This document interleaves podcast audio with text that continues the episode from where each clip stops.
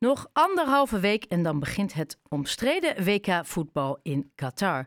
De manier waarop Qatar het evenement heeft binnengesleept, het schenden van mensenrechten van het land en de omstandigheden waarin arbeiders hebben gewerkt en het groot aantal arbeidsmigranten die tijdens de werkzaamheden zijn omgekomen, zorgt al langer voor discussie in hoeverre we het WK moeten omarmen.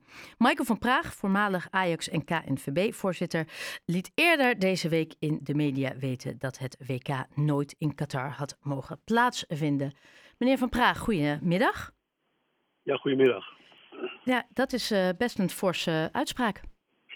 Nou ja, kijk, in principe is Qatar heeft evenveel recht om proberen een toernooi binnen te halen als Nederland of als Luxemburg of als Duitsland of Engeland. Ieder FIFA-lid is gelijk.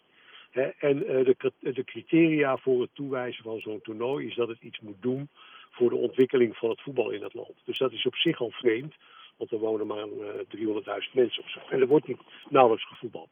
Maar goed, uh, op een gegeven moment uh, in 2010 hebben ze uh, toch, zijn ze verkozen door het bestuur van de FIFA op dat moment. En we waren als Nederland ook in de race met de Holland-Belgium bid. En weliswaar niet voor dit jaar, maar wel voor 2018 of 16 geloof ik, of 18. 2018. En, um, dus, dus, ja, we waren wel teleurgesteld. Nou, en dat was het dan. Totdat, zeggen ze een half jaar later, de eerste geruchten naar buiten kwamen dat uh, er om, van omkoping sprake was. Dat met name de heer Bimaman, uh, bestuursleden van de FIFA, uh, had omgekocht. Nou, dat werd steeds groter en steeds groter. Ja, en dat moet op zich gewoon een reden zijn om te zeggen: we gaan dat toen nooit terugtrekken. Maar... Want het heeft natuurlijk niets met, met fatsoenlijk en eerlijk stemmen te maken. En dat is niet gebeurd. de, de Blatter had dat in zijn eentje niet kunnen beslissen uh, om het uh, te stoppen. Maar hij had wel het congres bij elkaar kunnen halen. Dus alle landen. En kunnen zeggen, heren, ik ben erachter gekomen dat dit toernooi, toernooi op een oneerlijke manier uh, daar terecht gekomen is. Laten we, stemt u maar, of laten we nummer twee dat, dat doen. Maar waarom heeft hij dat niet gedaan? Want dat klinkt ja. heel logisch in mijn oren. Ja, nou, maar dat is ook een cruciale punt. En hij stond uh, deze week is hij in de media geweest, waarin hij ook heeft toegegeven dat de keuze voor Qatar een fout was. En hij was ook eigenlijk zelf voor Amerika. Dus hij had dat makkelijk kunnen doen. Maar dat heeft hij niet gedaan. Nou, dus toen zaten we met de gebakken peren. Nou, daar komt nog bij dat natuurlijk daarna zijn ze begonnen met stadions bouwen. Nou, en dat weten we inmiddels allemaal, uh, dat hoef ik niet uit te leggen.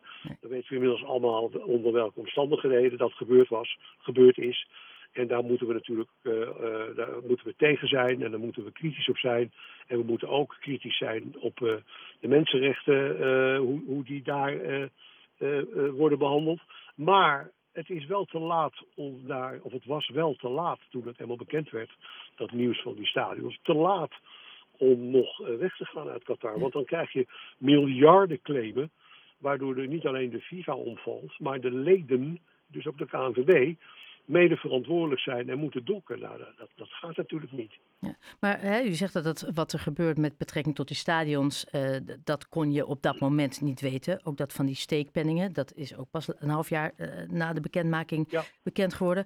Maar dat schenden van mensenrechten en hun visie op bijvoorbeeld homoseksualiteit, dat wisten we toch al ruim voor 2010.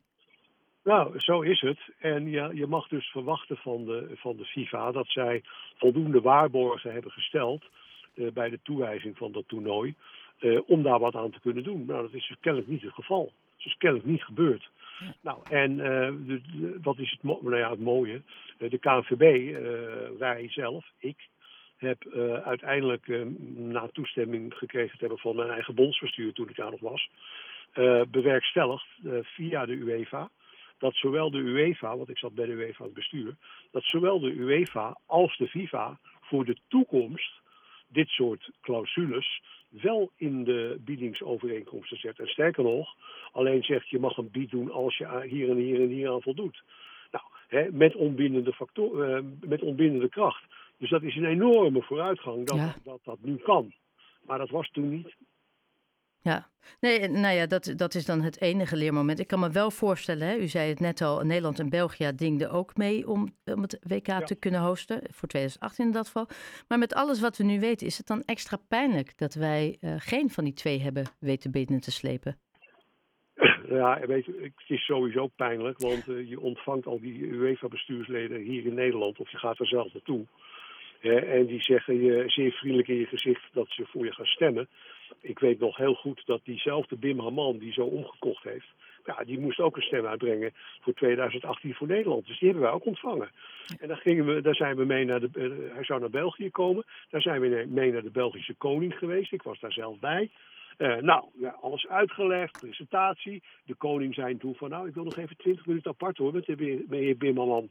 Dus die gingen apart naar een kamertje. En uh, 20 minuten later kwamen ze terug. En de koning heel triomfantelijk, heren, ik heb een mededeling voor u. De heer Bimmerman zal op ons stemmen. Nou, dus die Timmerman had zelfs tegen de, tegen de koning van België gezegd: Ik ga stemmen voor jullie. Maar dat heeft hij niet gedaan.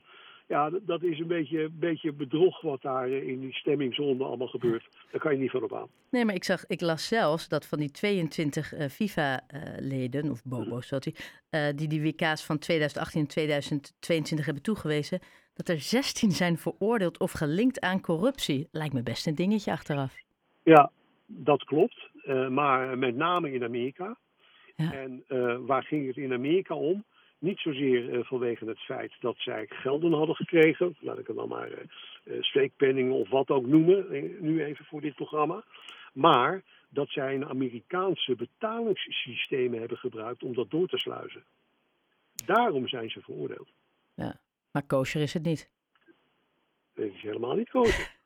en het, wat, toen ik later uh, voor de FIFA-verkiezingen in, uh, in, in, in de race was, heb ik al die mensen natuurlijk uh, ook nog, of dat was voor die tijd, voor die arrestatie, heb, ben ik ook bij die mensen op verzoek geweest. Op bezoek geweest. En toen kwam ik met mijn geloofsbrief van ja, ik wil af van de corruptie bij de FIFA, u moet op mij stemmen. Nou, dat willen wij ook hoor, daar willen wij ook vanaf. Goed dat u gekomen bent. Nou, u kunt op ons rekenen. Ja. de, het merendeel is nu in de bak. Ja, nou, dat lijkt me over dingetje gesproken. Maar dan iets heel anders. Hè? U leed deze week in een interview uh, dus weten dat het WK nooit in Qatar plaats had mogen vinden. Maar in datzelfde interview zegt u ook dat de koning wat u betreft naar Qatar moet gaan tijdens het WK. Uh, waarom dat wel? Ja. Nou, dat zal ik u uitleggen. Het, het toernooi is er nou eenmaal. Of we willen of niet, het is er. Er zijn een aantal criteria waarom ik vind dat zowel de regering als uh, de koning zou moeten gaan. A, omdat we het enige land ter wereld zijn die niet zouden gaan. Dat is natuurlijk al idioot. Dan maak je jezelf ook eigenlijk een beetje belachelijk, want dat is een statement wat totaal niet helpt. Maar je moet als leiding van een organisatie, hè, ik voor de KNVB en Ajax en voor mijn eigen bedrijf, ja, dan moet je op een bepaald moment beslissingen nemen eh, die soms wel eens contrakeur zijn, maar dan moet je uitgaan van wat zijn nou de belangen voor de KNVB of voor Ajax om een bepaalde beslissing te nemen. Dat moet de regering ook doen. Maar de regering moet dat voor Nederland doen. Nou, en dan houden ze natuurlijk rekening met uh, uh, wat ik u net al zei, dat enige land bent, maar ook met handelsbetrekkingen.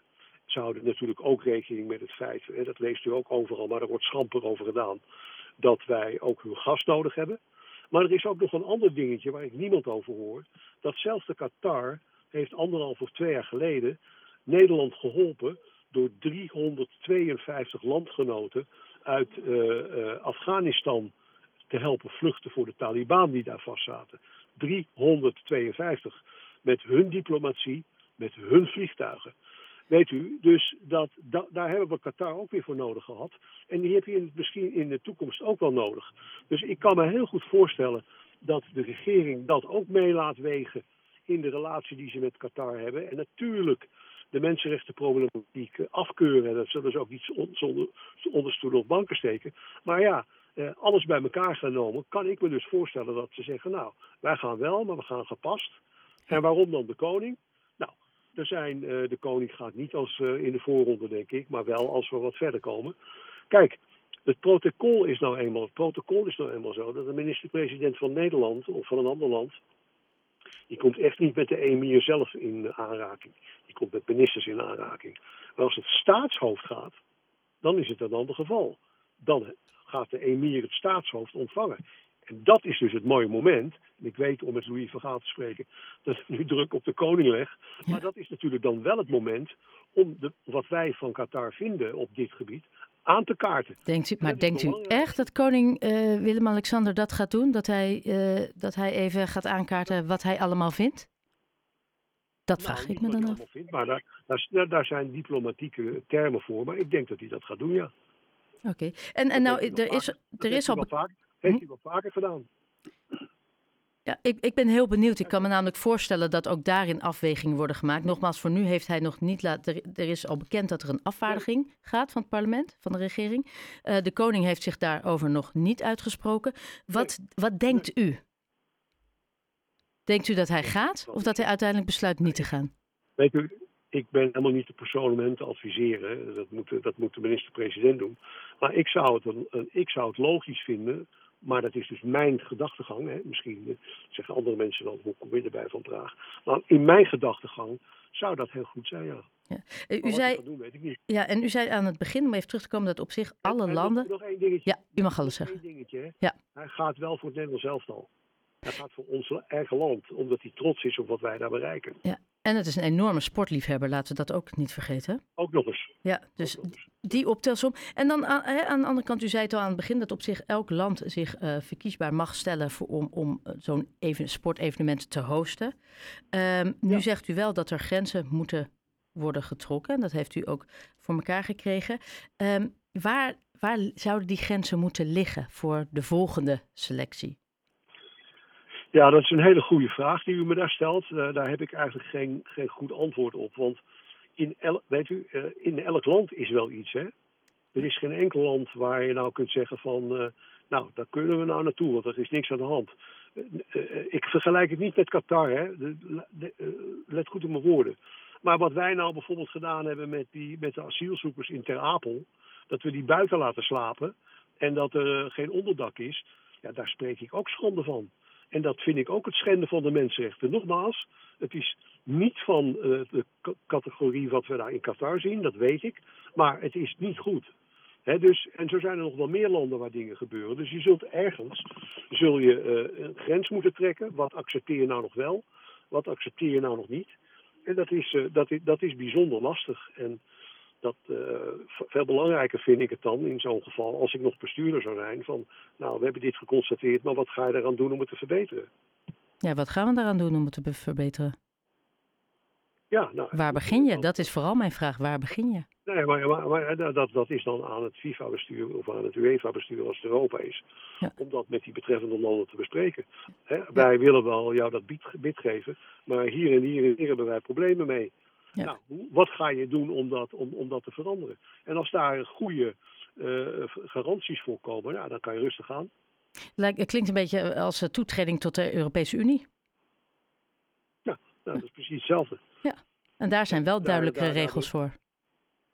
Ja, nou, en die duidelijke regels die, die hebben de, de, de UEFA en de FIFA op verzoek van de KNVB nou opgesteld. Ja. Dus daar heb ik vertrouwen in. En ik ga ervan uit dat, eh, dat er door de huidige bewindsvoerders bij die organisaties die we nu hebben, en die ken ik al een beetje, dat daar niet de hand mee wordt gelicht. Dus daar heb ik wel vertrouwen in. Ja, nou, dat klinkt goed. En dan toch nog even, denkt u dat Nederland het ver gaat schoppen in het WK? Ik heb er eigenlijk helemaal niet zoveel verstand van. dat is heel eerlijk. Ik ben bestuur... Ja, ik ben bestuurder en ik heb geen verstand van, van, van technisch, eh, technische zaken in het voetbal. Dus ik heb er daar nooit zo mee bemoeid. Dan hoor ik wel eens dat ze met de ruit achteruit spelen. Nou, dan sla je me dood. Ik heb geen idee wat dat is. Laat ik dat maar niet doen. Als ik, zo als, ik, als ik zo luister naar de bondscoach, eh, dan, dan heeft hij er heel veel vertrouwen in. Nou, dus daar hou ik me dan maar aan vast. Ja. En gaat u kijken? Ik ga zeker kijken. Weliswaar in Nederland, maar ik ga wel kijken. Hartstikke goed. Eh, Michael van Praag, heel erg bedankt voor uw tijd en uw visie. En nou ja, dan heel veel voetbalkijkplezier. Dank u wel. Dank u En wel. dat wens ik iedereen.